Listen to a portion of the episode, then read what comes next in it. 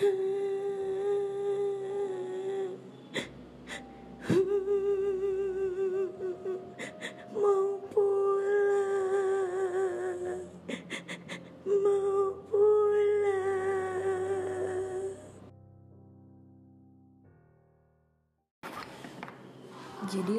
hari itu gue sekeluarga berencana untuk bukan keluarga berencana anyway ya keluarga dari nyokap itu ke jengukin salah satu kerabat dekat keluarga kita lah yang kena kanker di rumah sakit sekitaran Senen situlah yang kalian pasti udah tahu lah rumah sakit itu lumayan horor.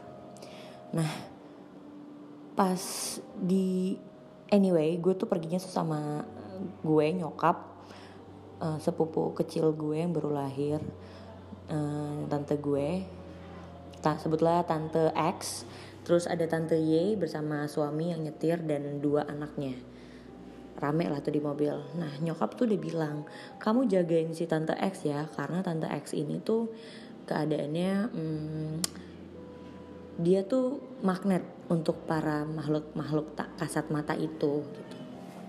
Gue udah ngingetin dia juga, jadi gue sangat-sangat uh, memperhatikan dia lah gitu. Nah pas masuk ke parkiran, dari situ feeling gue udah gak enak sih. Terus gue meleng dikit ternyata tante gue lah abis ngeludah gitu tapi sambil ketawa-ketawa. Gue tegor lah yang pakai bahasa gue aja gitu ya. Intinya gue bilang lo jangan bercanda kan lo tahu lo tuh di sini ini banget. Iya iya maaf maaf maaf maaf gitu. Dah masuklah singkat cerita. Sepanjang lorong menuju kamarnya apa kamarnya tante gue itu apa ya itulah sebut aja namanya tante kakak. Tante kakak tuh kamarnya tuh ada di pavilion belakang gitu loh dan itu agak gelap banget. Dan satu hal yang gue paling benci banget ke rumah sakit itu selain bawaannya pengap terus gue nya juga akan ngerasa sedih terus feeling gue udah pasti nggak akan enak tiap kali gue ke rumah sakit. Apalagi ini gue menjenguk orang yang kankernya tuh udah stadium akhir. Dah masuklah kita ketemu. Tante gue ini masih pecicilan gitu loh. Gue sih udah curiga nih pasti gue pulangnya akan bawa oleh-oleh nih gitu. Karena gue nggak kuat dengan hawanya dan gue nggak kuat dengan rasa sedihnya yang tiba-tiba gue rasain akhirnya gue memilih keluar dari kamar itu abis tegur sapa bentar gue keluar.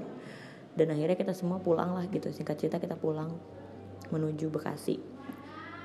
Nah sebelum pulang itu uh, kita ya gue udah ngerasa ini there's something wrong sama tante gue gitu. Karena tadi cicilan terus sekarang dia diem matanya kosong. Cuman gue kayak ya udahlah diemin dulu aja.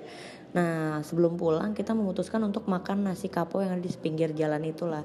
Tahu kan lo nih yang banyak nasi kapau di pinggir jalan di mana? Pas mau turun kok dia malah diem aja dan malah nangis. Dia nangis terus gue pegangin eh dia malah pingsan udah dong. Akhirnya ya udahlah. Dia pingsan tapi kita lapar. Ya lo tidur aja dulu ya kan? Kita ngisi makan. Kita ngisi perut yang kosong. Akhirnya gue tinggalin dia tidur di, di, di mobil sendirian. Kacanya gue buka dikit terus kita makan udah selesai singkat cerita. Kita menuju pul ke Bekasi lah tuh. Dan sepanjang jalan tante gue nangis. Kayak gini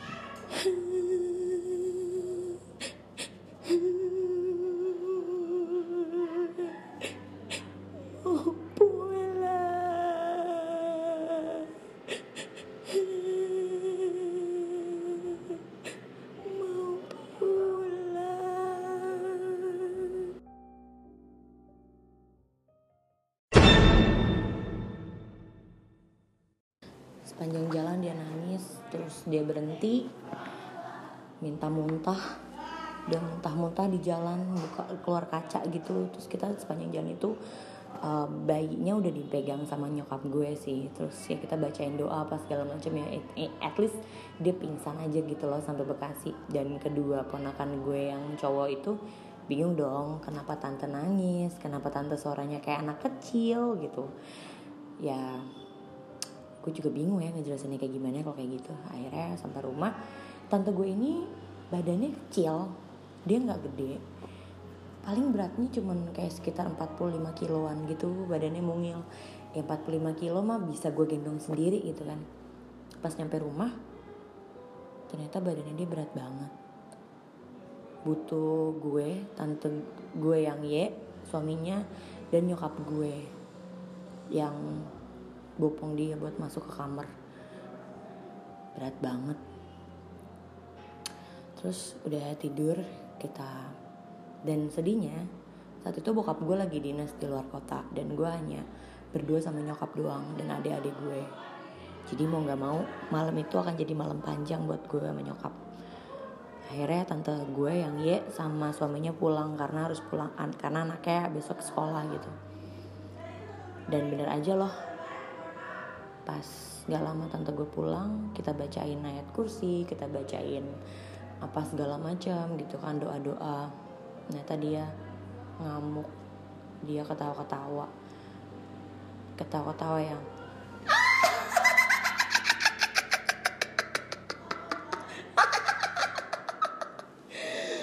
Abis itu dia nangis. Nangis yang terseduh-seduh yang Mau pulang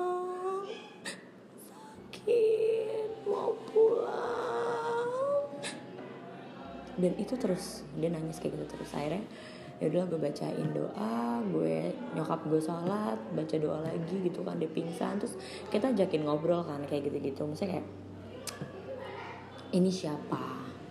Ngapain ada di badannya tante gue? Dan ternyata dia itu udah ngikut tante gue. Dari pas tante gue buang ludah di dekat pohon pas nyampe rumah sakit di parkiran dan gue sudah menduga itu gitu kan. Ternyata ini sesosok perempuan yang ngikutin tante gue. Dan kebetulan perempuan ini suka gitu sama tante gue. Terus akhirnya gue mau pergi gitulah mau bawa tante gue.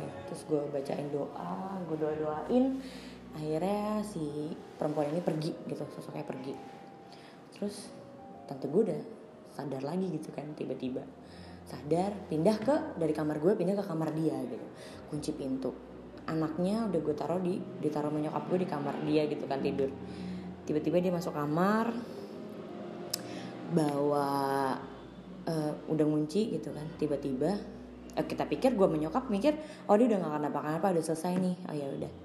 Tahu-tahu dari kamar dia ada teriakan suara anak kecil manggil nyokap gue. Mama,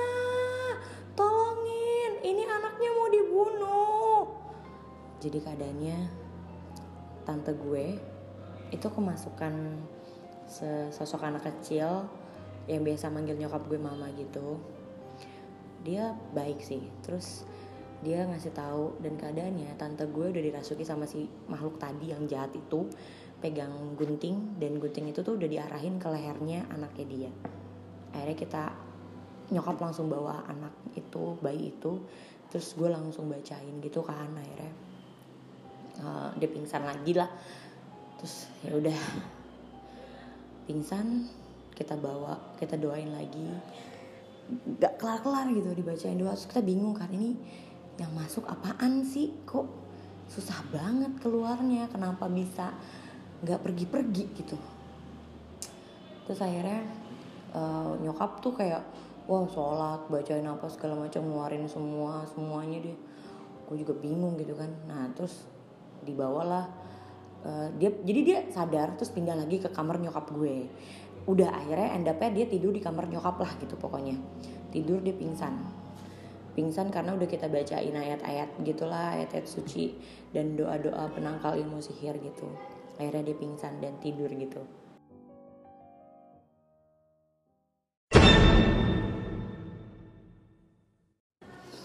Terus uh, gue cuma ada adik gue yang kecil-kecil gituan di rumah. Terus akhirnya oh dan gue baru ingat saat itu gue lagi datang bulan which is gue nggak bisa megang Al-Quran ataupun baca bacaan gitu kan. Gue cuma baca apa yang diingat di kepala gue aja gitu dan apa yang gue yakini. Gue mohon pertolongan sama Tuhan gitu. Terus akhirnya gue panggil adik gue gitu. Adik gue namanya uh, Imut gitu. Terus Mut sini coba kamu bacain uh, surat yasin gitu. Posisinya tante gue itu adalah dia tiduran. Kepalanya ngadep ke jendela dan adik gue duduk sila di kakinya dia gitu bacain surat yasin lah. Sampai di ayat keberapa ya? Kayak yasin al quran lah ya sekitar sudah sampai 15an ayat tiba-tiba tante gue bangun melek dan dia diri. Duduk dia duduk gitu loh dari tidur dia di duduk mat, natap mata adik gue yang lagi bacain dia surat yasin. Seketika adik gue kaget teriak dan dia cuman nyengir sambil bilang peace dengan tangannya membuat simbol dua jari gitu peace gitu. Habis itu dia kabur well pada saat itu itu itu lucu sih. Keadaan yang sangat kocak banget tapi keadaannya lagi kocak yet lagi mencekam gitu. Itu udah mulai jam udah itu kayak udah mau jam 10 jam 11an malam lah gitu. Wah kita kayaknya akan begadang nih gitu. Sampai akhirnya uh, kita tahu gitu ternyata itu adalah mbak mbak mbak yang rambutnya panjang yang biasa di pohon-pohon gitulah. Dia ngikut gitu intinya dia mau bawa tante gue mau bawa anaknya gitu-gitu. Biasalah. Girl stuff. C terus kita bingung dong gue nyokap ini udah dibaca-bacain udah ditulis-tulisin. Kok kebal ya? Kok dia mempan apa pergi datang lagi pergi datang lagi pergi datang lagi gitu. Terus gue udah buntu banget. Gue telepon lah ke om gue yang ada di Papua. Minta tolong gitu. Tolong nih tolongin dong nih. Gimana ya? Om gue cuma nanya kamu lagi nggak sholat ya? Iya.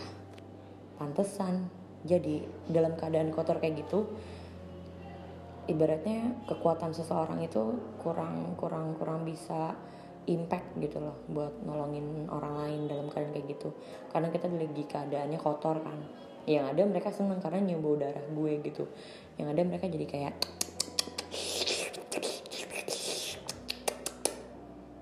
ngejilatin darah gue kali yang ada. Akhirnya om gue suruh nempelin telepon gue ke kupingnya tante gue. Dan gue nggak tahu apa yang dibaca sama om gue. Akhirnya tuh makhluk yang ada di badannya tante gue teriak-teriak minta ampun dan bilang panas panas panas ampun ampun ampun dan habis itu dia pergi.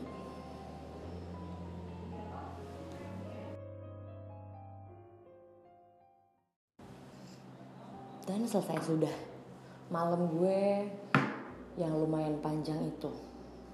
Sebenarnya sih kalau detailnya ya kalau lihat langsung itu tuh gila gue capek banget sih. Gue menyokap tuh bener-bener yang berkali-kali bacain apa segala macem uh, bacot-bacotan lah masih makhluk itu gitu nyokap juga kesian sih ngeliat nyokap.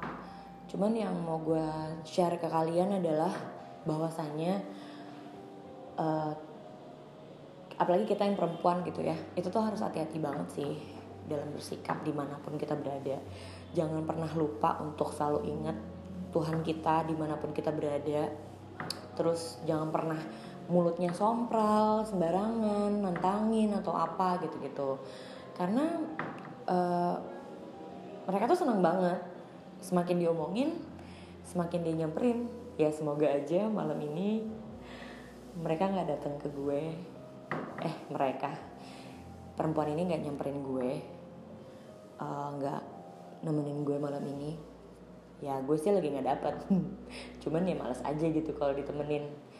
Tuh biasa saat ini gue bikin podcastnya di ruangan kantor di ruang meeting sendirian lampunya gelap mulai sesak sih. Cuman kayak gue nggak mau mikirin banget ya. Karena again seperti yang udah pernah gue ceritain sebelumnya kalau makhluk-makhluk kayak gitu itu semakin kita pikirin semakin kita jadi takut kita sugestiin oh ini dia ada di sini oh dia lagi gini oh dia gini gini. Ya makin jadi makin disamperin lo gitu. Jadi kedudukan kita akan lebih tinggi. Maka dari itu selalu jaga diri kita dengan uh, berzikir selalu jaga diri kita dengan mengingat Tuhan dalam keadaan apa pun apa pun ya kalau yang muslim ya jangan lupa zikir lah gitu. Terus ya at least istighfar deh loh gitu. Terus udahlah tuh besoknya tante gue nggak tahu apa yang terjadi. Dia hanya ingat dia ada di mobil mau pergi ke rumah sakit. Jadi dari turun itu udah bukan dia gitu. Oke. okay, kalian masih dengerin podcast gue hashtag CHR Experience. Semua yang lo denger ini murni benar-benar kejadian sama gue. Makanya namanya CHR Experience karena like based on my experience anyway dan lo bisa dengerin cerita ini. Kalau lo suka lo boleh share ke teman-teman lo. Bisa di share dari podcast ataupun dari bisa subscribe juga podcast Apple gue Apple podcast gue. Ataupun lo bisa sign up di anchor.com lo bisa berteman sama gue di situ ataupun lo mau share komen atau lo mau bagi maki gue silahkan. Gue lagi butuh masukan juga gitu kan. So see you again di hari Kamis minggu depan. Bye bye aku mau pulang dulu ya